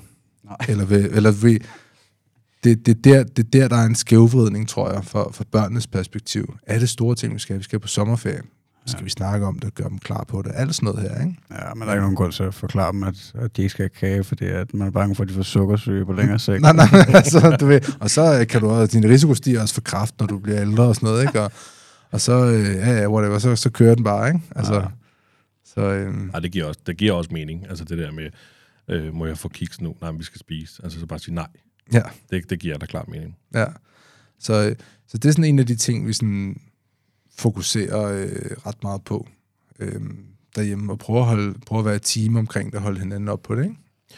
Jeg kunne godt tænke mig lige at høre, nu har du to børn, og du fik jo øh, din datter kort tid efter, øh, du øh, havde fået din søn. Var det, øh, og det var jo ikke planlagt, men var det sådan lidt planlagt, at der på et tidspunkt skulle komme en bror og en søster? øh, hvad hedder, da jeg mødte min øh, forlovede, der øh, vil, øh, hun, hun vil ikke have børn. Øh, det vil jeg gerne. Og så sagde jeg til hende, jamen altså, hvis du er kæreste med mig, så skal, vi, så skal vi have et barn. Og så sagde hun, okay, så lad os gøre det. Men så vil jeg have to. Så fuck. du ved, ikke? Så, så øh, fordi hun selv har haft søskende, og det har jeg jo også, men hun har altid haft, hun havde sådan en forestilling om, så havde de hinanden, ikke? Øhm, og øh, det må jeg da indrømme, at det har de da også nu. Men der er også rigtig meget tid, hvor de ikke har hinanden, hvor de bare altså, slår hinanden ihjel nærmest. Ikke? Eller ikke slår hinanden ihjel, men du ved, nogle gange skal min søn bare kigge på min datter, og så sidder hun og skriger. Ikke? Fordi det er blevet sådan det der forhold der. Ikke? Så det er sådan lidt det, vi arbejder på nu med dem, at sige sådan, hvordan lærer vi dem at være søskende og have et søskende bånd. Jeg tror, vi kommer fra en tid, og det er også en af de ting, vi snakker om i min podcast i øjeblikket. Vi er lidt sådan et individualist samfund, hvor at, øh, man skal være sådan enspænder, og man skal klare sig godt selv, og øh, man skal vise, hvor godt man selv har det på de sociale medier. Det hele er meget sådan solo-minded. Øhm, hvor at sådan noget brøderskab, det med at have nogle, måske endda have venner, der føles som brødre, altså have sådan virkelig stærke bånd til en anden mand, eller en anden kvinde, eller du ved, sådan, have sådan nogle virkelig tætte relationer. Det er sådan lidt forsvundet, fordi at der er styr på sygdom, der er styr på, når man bliver gammel, kommer man på pleje og sådan noget. Altså i gamle dage, der var, man, der var familie jo alt, fordi familie var alt. Altså, du ved, man, øh, man, men øh, hvis nogen blev syge, så var der ikke nogen til at tage sig af en. Det var familien, der klarede det, ikke? Og de værdier er forsvundet fra vores øh, samfund, stille og roligt. Jeg tror kun, det bliver værre. Og det er sådan noget, vi godt vil prøve at, at arbejde øh, imod med vores børn, og så virkelig fortælle dem sådan, prøv her, lige meget hvad fuck der sker, så har I to bare hinanden. Altså sådan i tygt og tyndt. Og så lære dem det, ikke? Og der er vi stadig ved at finde ud af nu, sådan, hvordan, hvordan okay, fuck mand, fordi at for hver dag, der går, er det et nyt sted i manualen, vi ikke er kommet til. Sådan er det at børn, ikke? Altså, altså øh, vi, vi, øh, der er tit, hvor der sker et eller andet, jeg ikke har oplevet før, hvor jeg sådan kigger på min kæreste og siger, der er jeg simpelthen ikke nået til. Eller Det, der, jeg, har, jeg er ikke kommet der til i manualen. Jeg ved ikke, hvad fuck gør vi her, ikke? Så er det sådan noget at kigge på YouTube, eller spørge andre, øh, spørge andre forældre til råds. Jeg tror, der er rigtig mange, der er bange for at spørge.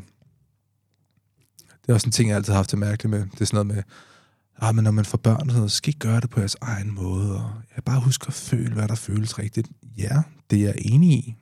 Men du ved, hvis, hvis jeg skulle løbe et maraton, så havde jeg jo ikke spurgt øh, den morbidt overvægtige Dorit fra, fra Brøndby, hvordan man gjorde det. Altså, du ved, så havde jeg jo spurgt en, der har løbet et maraton før, ikke?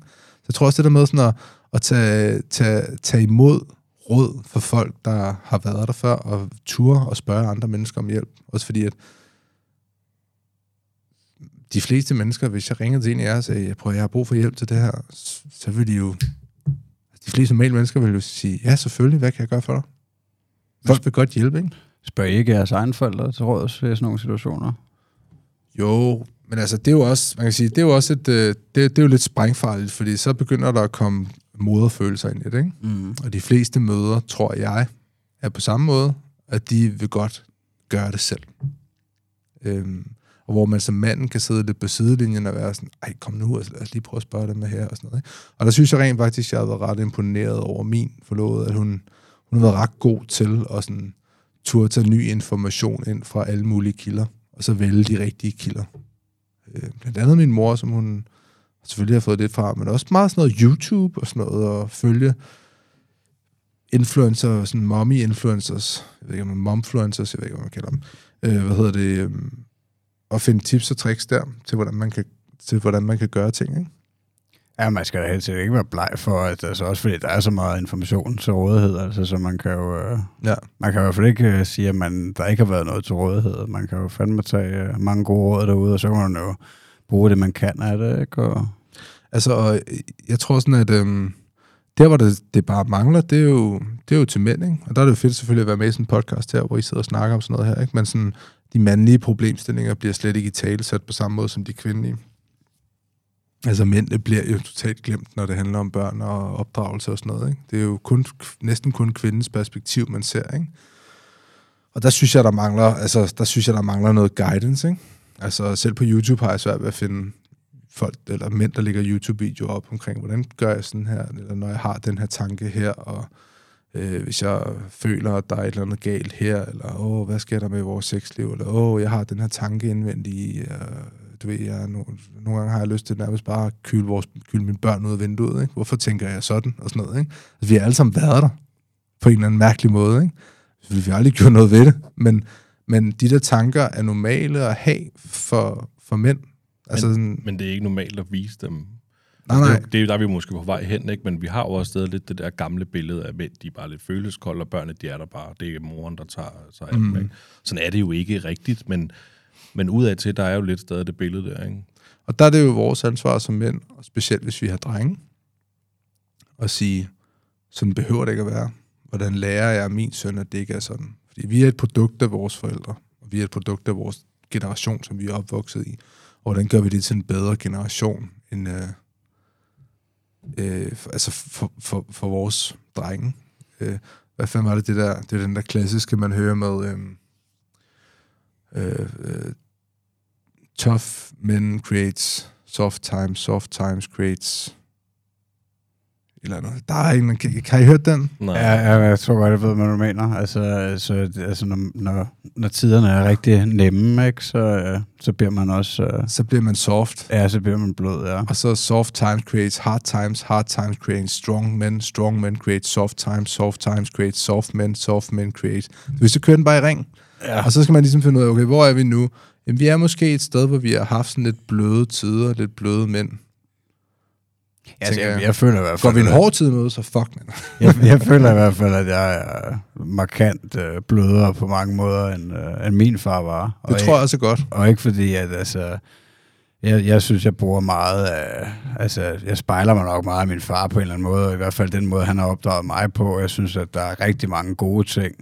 Og så er der ting, hvor jeg tænker, okay, det kan jeg måske gøre bedre, ikke? Og altså bare blandt andet det her, vi kommunikerer sammen om, hvordan, hvordan det er for os at være far, ikke? Det har jo, øh, altså det har betydet enormt meget for mig, fordi jeg følte, jeg havde sindssygt meget brug for at tale om det i starten, mm. og det var sådan, at øh, podcasten blev født. Jeg tror stadig, at min far han tænker, jeg kan vide, hvad fanden det egentlig er, de laver nede i kælderen, ikke? ja. Fordi det tror jeg aldrig, han har haft lyst til, det der. Altså. Jeg tror sådan, at øhm, virkelig sådan, man skal være god til at spørge sig selv, når man har børn.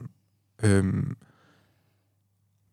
gør jeg det her for mit barns skyld? Er jeg på den her måde, som jeg er nu, for mit barns skyld, eller for min egen skyld? Sådan, hvis man sådan helt ærligt kan, kan igen tilbage til den der med overforklaring. Det gør jeg for min egen skyld. Det gør jeg ikke for mit, har, mit, har mit barn godt, at det her jeg gør nu? Og kan Mm. man hele tiden stille sig selv det spørgsmål og vende tilbage til det, og ærligt svare på det, så tror jeg naturligt, man er, man er en ret god forælder, når møder sit, sit barns behov og, og, øh, Ja, måske ikke er for stedig, altså hvis man har en eller anden idé om, hvad det var for en far, man gerne vil være, og så passer det måske ikke lige ind i, hvordan junior egentlig er nu, ikke? Altså, mm. så man måske ikke er for stedig, og man egentlig er indstillet på, at okay, jeg kan godt ændre mig faktisk, altså hvis... Øh, hvis det ikke fungerer, altså, eller hvis konen kommer og siger, at det der, det dur ikke, mand. Det er for sindssygt. Altså, du bliver sgu nødt til at gøre tingene på en anderledes måde. Første billede, jeg lægger op nogensinde på øh, Facebook med min, min, min søn, der er blevet født, og det er sådan lige efter, han er blevet født, og ligger min kærestes arm, og der er sådan lidt blod og sådan noget, og har dækket hendes brystvort til og sådan noget. Øhm, der skriver jeg sådan, om det er som min søn Elven, og hvornår hun er født, og jeg er stolt og sådan noget, og øh, allerede nu er du det mest nysgerrige og milde sind, øh, skriver jeg, ikke? Og når jeg ser tilbage på den tekst, så er det bare sådan, det er bare slet ikke sådan, han er. Bare ikke noget mildt sind i den dreng der. Han er bare, han er, sådan lidt, øh, han er bare lidt, øh, lidt all over the place. Jeg elsker ham. Altså selvfølgelig, altså, prøv at der er ingen fucking tvivl om, jeg elsker den knægt. Men han er ikke, som jeg havde forestillet mig. Altså han er ikke, øh, jeg havde tænkt, sådan, der ville komme sådan en lille kopi af mig ud. Ja. Altså, det havde været så fedt, men egentlig, ærligt talt, havde sgu også været lidt kedeligt. Men Altså, altså, han så en kopi af moren. Nej, han er Mm. sin egen. Øhm, han er ret, han er ret meget... Og han er, han er nok sådan lidt en blanding af mig og hende, ikke? Hvor at vores datter er nok lidt mere mig. Det er fars pige, vil jeg sige. Det lyder også godt, fars pige. Ja, men altså, det er, altså, der er sgu noget om det, altså. Fars pige, det er så fedt. Altså, det, det er så fedt.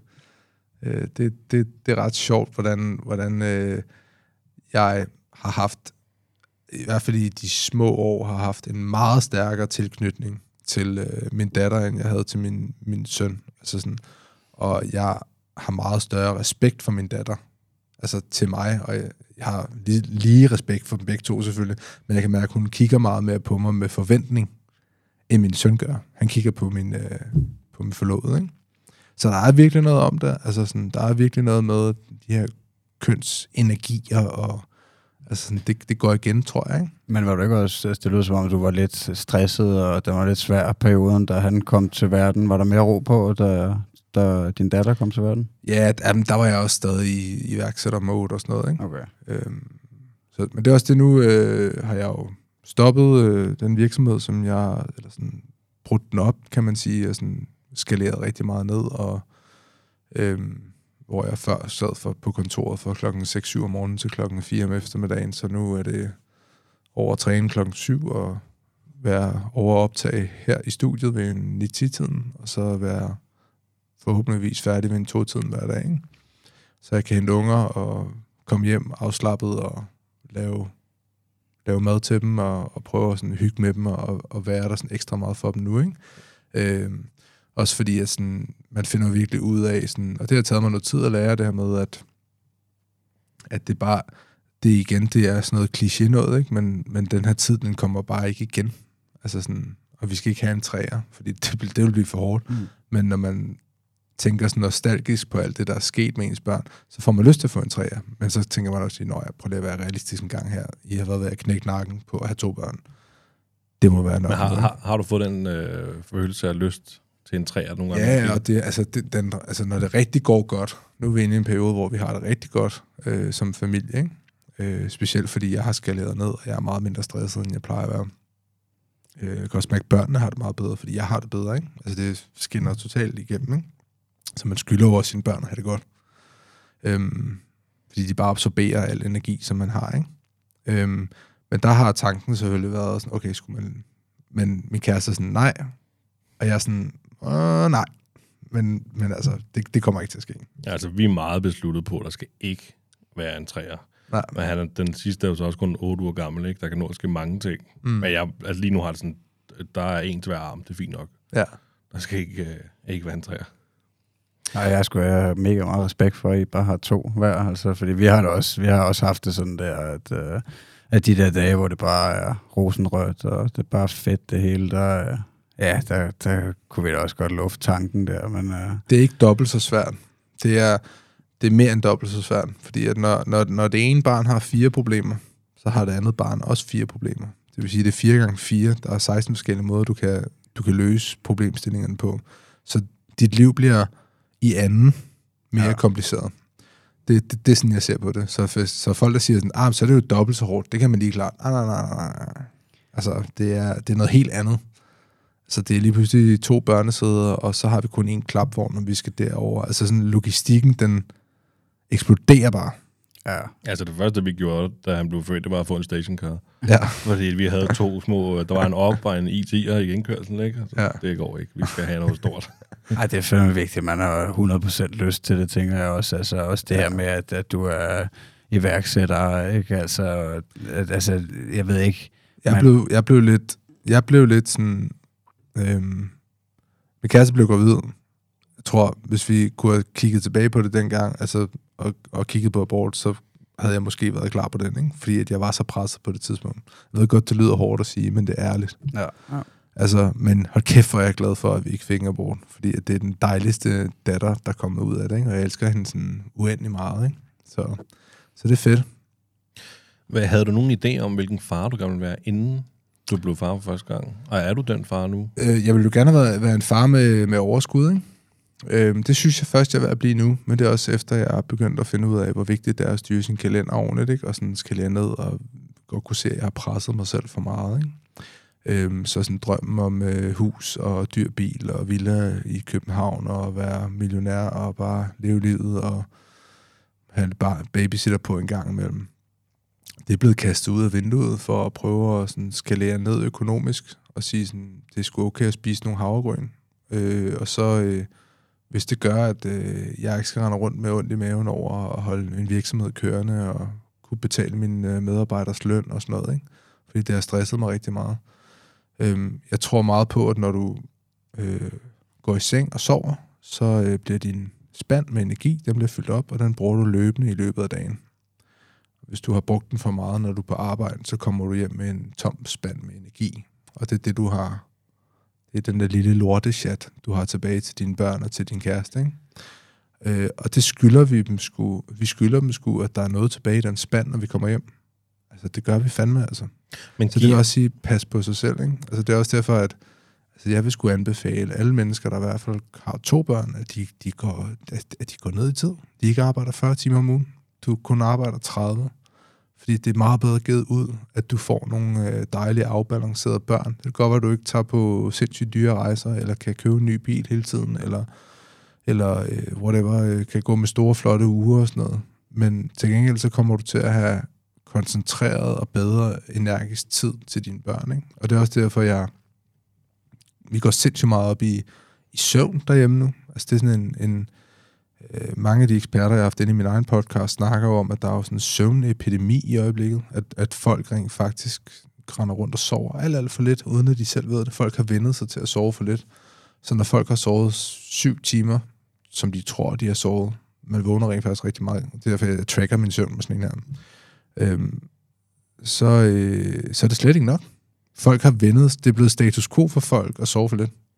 Og det, jeg har fundet ud af nu her, efter jeg er begyndt at lægge mit liv om, og rent faktisk også begyndt at fokusere på sådan noget som søvn, det er, at jeg er blevet en meget bedre far, fordi at jeg er meget mere udvildet. Jeg sover på samme tid, går i seng på samme tid. Jeg ved, hvornår mine børn står op. Jeg sidder ikke til sent på aftenen og drikker kaffe. Det gør vi så her nu, fordi at, øh, vi sidder klokken øh, 8 om aftenen, og, og jeg skal basically sove om en time. Jeg går i seng klokken 9. Øhm, men det skylder man bare, jeg synes bare, man skylder sine børn det. Og hvad er det, man får ud af den der, de der to timer fra klokken 9 til klokken 11, hvor du sidder så Netflix? Altså, honestly, hvad får du ud af det? Du slapper af, men du kunne lige så godt ligge og sove jo. Jamen, der er jeg bare en helt anden grøft. Der kan godt se, der ligner du måske Magnus lidt. Øh, Ja. ja. Men der er jeg meget den der... Nu ved jeg ikke, hvor tid dine børn går i seng, men, men jeg, altså, det er om aftenen, når de er lagt i seng, at jeg får computeren frem og får lavet vores podcast. Ja. Og jeg hygger mig med det. Og så kører fjernsynet også samtidig, mm. så er klokken 11, når jeg går i seng. Ja. Og så, øh, hvis jeg er heldig, så er der ikke nogen af mine unger, der vågner, og så, øh, Mm. så vågner jeg klokken halv seks. Mm. Føler mig sådan okay udvildet. Ja. Altså, men det, det er bare en tid for mig, der er vigtig. Ja. Jeg tænker jeg tænker slet ikke over det sundhedsmæssige i det på nogen måde, men den der alene tid, hvor man får benene op, og Mm. den føler jeg er givende for mig. Mm. Og jeg har så overhovedet ikke prøvet det andet, så det kan godt være, at det er endnu mere givende, hvis jeg så forsøger på det. Du skulle prøve, altså igen, jeg komme til at lyde sådan meget højheldig, men prøv en dag at gå i seng klokken 9 og stå op klokken 6. Altså bare prøv det, og så se, om du kan øh, få en god nats søvn ud af det, ikke?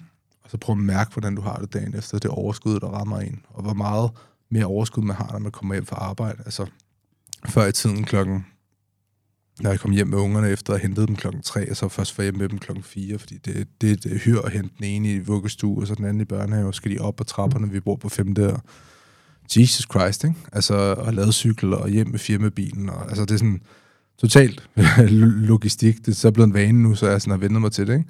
Men der kunne jeg falde i søvn, når jeg kom hjem, fordi jeg var så træt, ikke? Jeg var så træt. Øh, blevet meget bedre nu, efter jeg sådan begyndte at fokusere på min, efter jeg begyndte at fokusere på min søvn, ikke?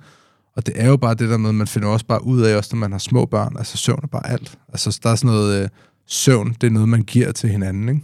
Når man er sådan en spædbørnsfamilie, ikke? Er sådan, om skat, læg dig ind og tage et par timer, du har sgu brug for det, ikke?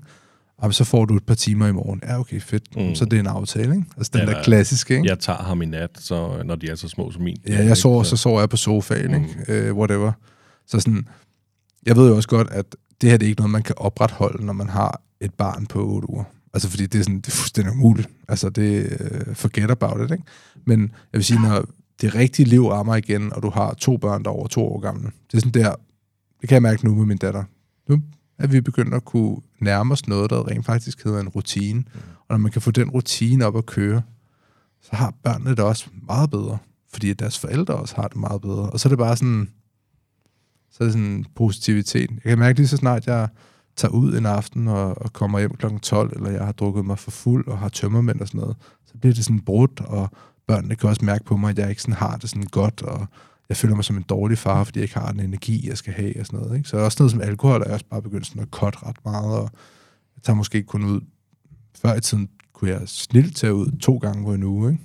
Altså sådan tage ud og have det sjovt og sådan noget. Altså nu er jeg sådan, måske ude en gang om måneden, hver anden, to gange om måneden. Og det synes jeg endda er meget. Ja, det er det, ikke? Men, men det er også, jeg kommer fra et liv, hvor jeg har DJ'et mm, ja. og været ude hele tiden, ikke? Altså, så, øh, så, så jeg er meget sådan ops på mine rytmer og, og vores families rytme. Øh, og hvis der er nogen, der skal sætte en rytme, som familien har det godt i, så er det de voksne. Men nu, nu snakker du meget om energi, og det der med at komme hjem fra arbejde og ikke have så meget energi. Føler du ikke, der er nogle gange, hvor dine børn kan give dig energi? Øhm, jo, altså 100% når de, når de er glade og i godt humør. Men vores børn er bare kun glade og i godt humør, hvis deres forældre er glade og i godt humør. Mm. De bliver så påvirket af, at vi ikke har det godt. Ja, jeg tror også, det, altså, det kan godt være, at uh, man kan komme hjem om eftermiddagen sammen, og de har det mega fedt, men hvis du er dødstresset og træt, og, altså, ja. så går der ikke særlig længe, så de også falder ned på samme niveau -agtigt. Det er det. De det. fornemmer, at man ikke er til stede. Ikke? Ja. Altså, og de bliver frustreret over, at man ikke er til stede. De kan ikke forstå, hvorfor ser du mig ikke og hører mig ikke, som jeg godt vil se og høres.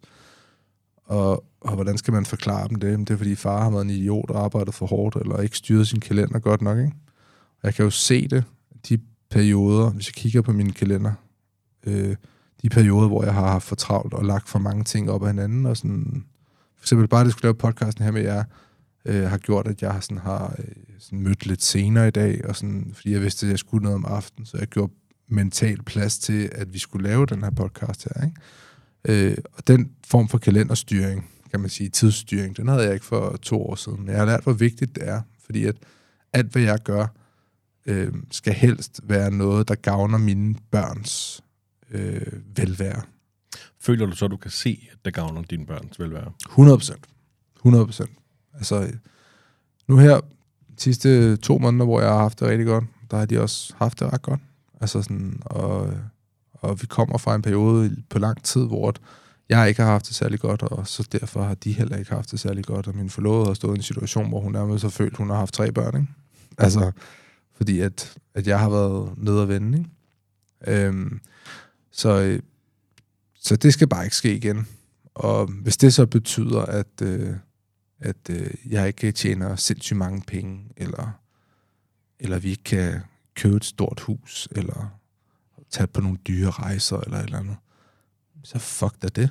Ja, altså, det er jo også, altså, børnene, er, børnene er jo ligeglade. Altså, de vil jo hellere have en, en far, der er nærværende og har det godt, ikke? Og så kan man sige, de vil at, bare altså, være sammen med os.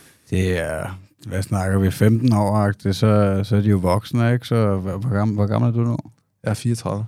Ja, så er du dårligt nok 50, så vi skal jo, vi skal jo leve til vi er 150, ikke? og arbejde til vi er 100, så du får masser af mulighed for at lave uh, alle pengene og få de store biler og sådan noget. Ja, det er det, ikke? Altså, men jeg tror også, øhm, det er også en ting, jeg også godt vil give videre til mine børn, ikke? At selvfølgelig, det er okay, og det er også noget, vi snakker meget om i en podcast, det her med sådan dyre rolex og sådan noget. Så jeg har det jo fint nok med mennesker, der, der virkelig interesserer sig for uger. Eller mennesker, der virkelig interesserer sig for biler, der godt vil have den her bil, fordi det er bare dem, jeg havde på bilkort, da jeg var barn og sådan noget, ikke? Mm. Fedt. Altså, go get your car. Køb dit ur, hvis du virkelig interesserer dig for det her. Men hvis du har bilen eller har uret, fordi at du vil prøve at imponere nogen, ja. så, er det, så er det helt forkert. Og det er jo også en verden, vi, var, altså, vi lever i lige nu, hvor man bliver bombarderet med det der. Ikke? Og det er også en ting, jeg virkelig ops på i forhold til mine børn. At sådan, hey, vi skal altså lære de her unger her. De, det er det her moralske kompas, man vender tilbage til igen. Husk at være god ved andre mennesker, men også husk at vide, hvad du er værd, og hvad, sådan, hvad der egentlig betyder noget øh, her, her i livet. Ikke? Altså det, det tror jeg er fucking vigtigt. Det lyder super højhældigt, men det er sgu rigtigt. Det, det, det er i hvert fald sådan, jeg har fundet... Øh, det er sådan, jeg har fundet ro i mit liv, den ro, som jeg oplever lige i øjeblikket. Øhm, og, og tur også at gå all in med min egen podcast og sige, nu går jeg fuldtid med det og sådan noget, det er, at jeg har ikke, jeg har droppet ideen om det dyre liv. Jeg, jeg, jeg er træt af Var du ideen. meget tiltrukket af det før? At du skulle opnå total succes og blive millionær? Ja, ja, og der ændrer man sig jo. ikke? Mm. Altså sådan, øh, og der er heller ikke for stedet til at, at ændre mig, fordi jeg kunne godt se, at det var ikke holdbart, og jeg blev en person, jeg ikke havde lyst til at være. Altså, så øh, jeg kommer jo fra, fra natlivsbranchen, hvor det hele er rolex og vise, hvor stor man er, hvor sej man er, hvad man kan og sådan noget. Og, og det er bare, det er bare nederen. Var det Altså- svært at skifte fra det til at være familiefar? Øh, Savnede du det i starten? Nej, nej, jo, altså sådan, øh, jeg kunne godt savne den der sådan ultrasociale ting, der er i det med, at man møder virkelig mange mennesker og vennegrupperne og sådan noget, ikke? Øh, men så kan man så sige, at de vennegrupper, man har haft, har været meget om, altså sådan, omkring det med at drikke, og så er man bare pissfuld hele tiden, og så sådan, okay, hvad er, det, hvad er det lige for nogle typer venner, man har der? Så der er også mange venner, der er røget svinget, Mm. efter, man er, efter jeg er stoppet med det, ikke? Øhm, så nej, egentlig ikke. Altså, jeg vil sige, jeg var ret glad for at være væk fra det. Øhm, og specielt under corona var det fedt bare at få en, en lang break, ikke?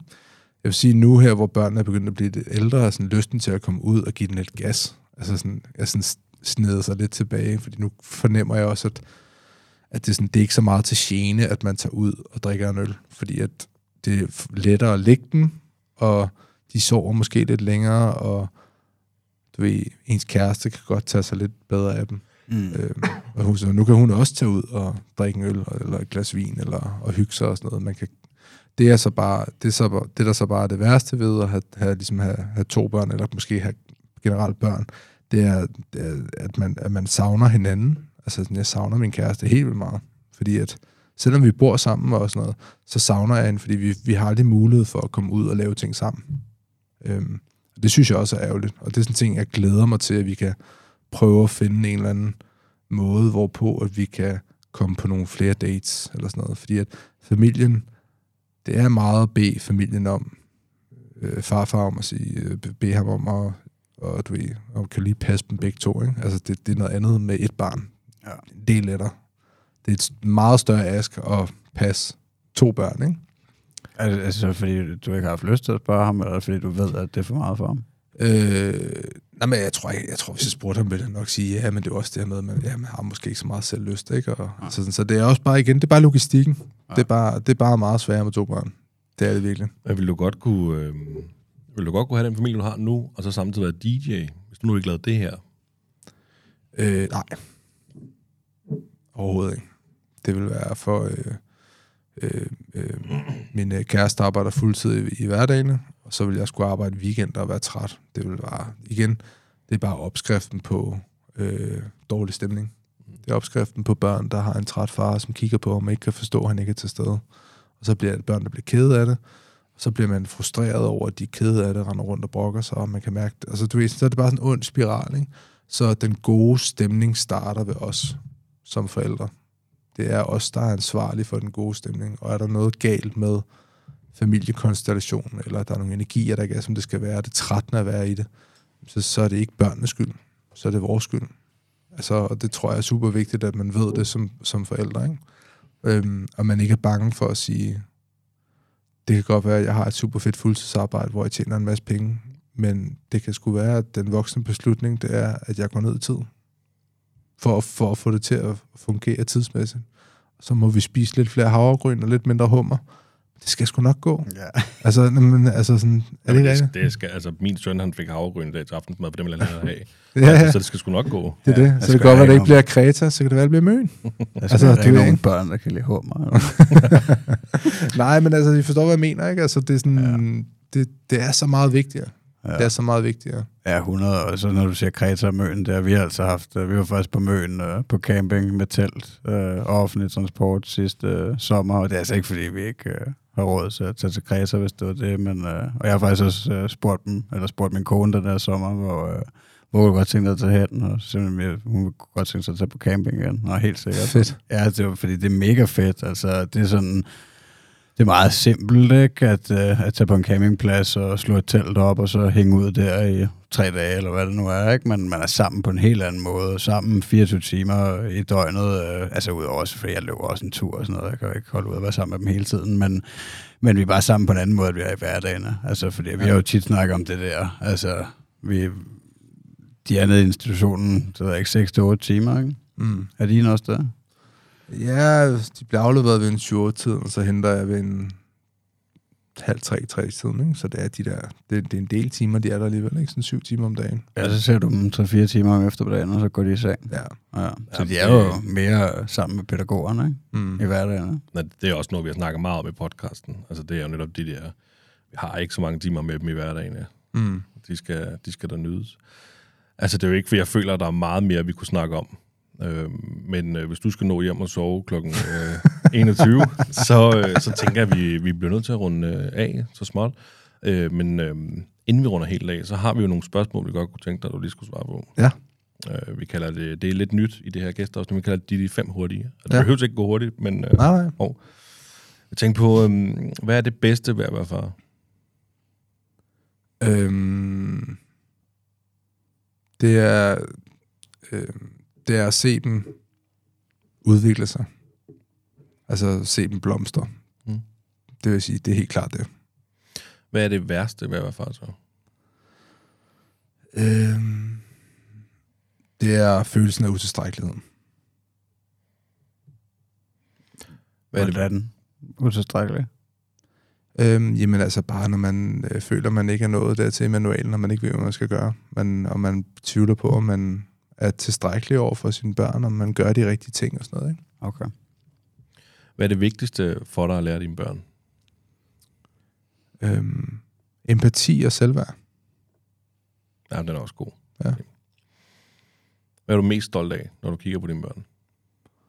Øhm,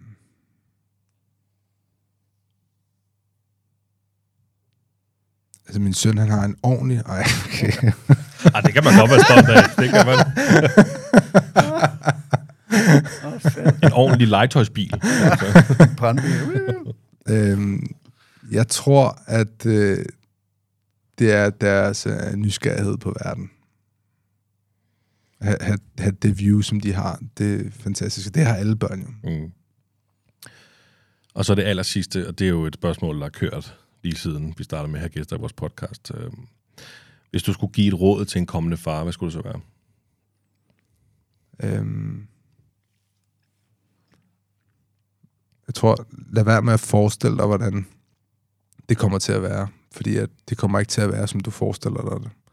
Vær fleksibel og følg med og reagere på, på det, du oplever. Og sørg for at tage imod råd fra gode kilder. Altså sådan at være sådan kildekritisk. i sådan, hvem er det, jeg rent faktisk skal tage imod råd fra her? Er det fyren på bodegaen, der, der ikke har, har børn selv? Eller er det en, der rent faktisk har børn, og en, du respekterer? Altså sådan, men, så lad være med at forestille dig det, hvordan det skal være. Det er ikke set en stone. Det kommer 100% til at ændre sig, og sørg for at tage imod gode råd for gode mennesker. Jamen, det var et godt råd. Der er, apropos gode råd for gode mennesker, Ludvig, tusind tak, fordi du være med i vores podcast. Selvfølgelig. Det var en kæmpe fornøjelse. Det var fedt, I uh, gad at komme hele vejen forbi her. Det vil vi i hvert fald, vi vil gerne gøre det igen, fordi jeg føler virkelig, der var mange flere ting, vi kunne snakke om. Øhm, hvis man skal følge dig, hvor skal man så følge dig henne? Det er øh, på øh, Ludvigs podcast, på TikTok og YouTube og Instagram og jeg ved ikke hvad. Og så kan man lytte til min, øh, min podcast på Spotify, hvor jeg snakker med alle mulige forskellige typer mennesker. Kæmpe anbefaling herfra i hvert fald. Er der mere, du vil sige, Marlon? Nej, jeg vil også bare sige ja, tusind tak, fordi vi måtte komme. Det var en kæmpe fornøjelse. Selvfølgelig. Fedt Og at øh, ja, tak fordi, at øh, I lytter med derude. Og øh, giv, det, giv, giv Lu- Ludvig noget kærlighed, og, og giv vores podcast noget kærlighed Ja. på alle de sociale medier. Facebook, øh, Instagram og TikTok. Masser af kærlighed. Helt sikkert. Jamen, øh, tak for det. Vi ses. Hej. Hej.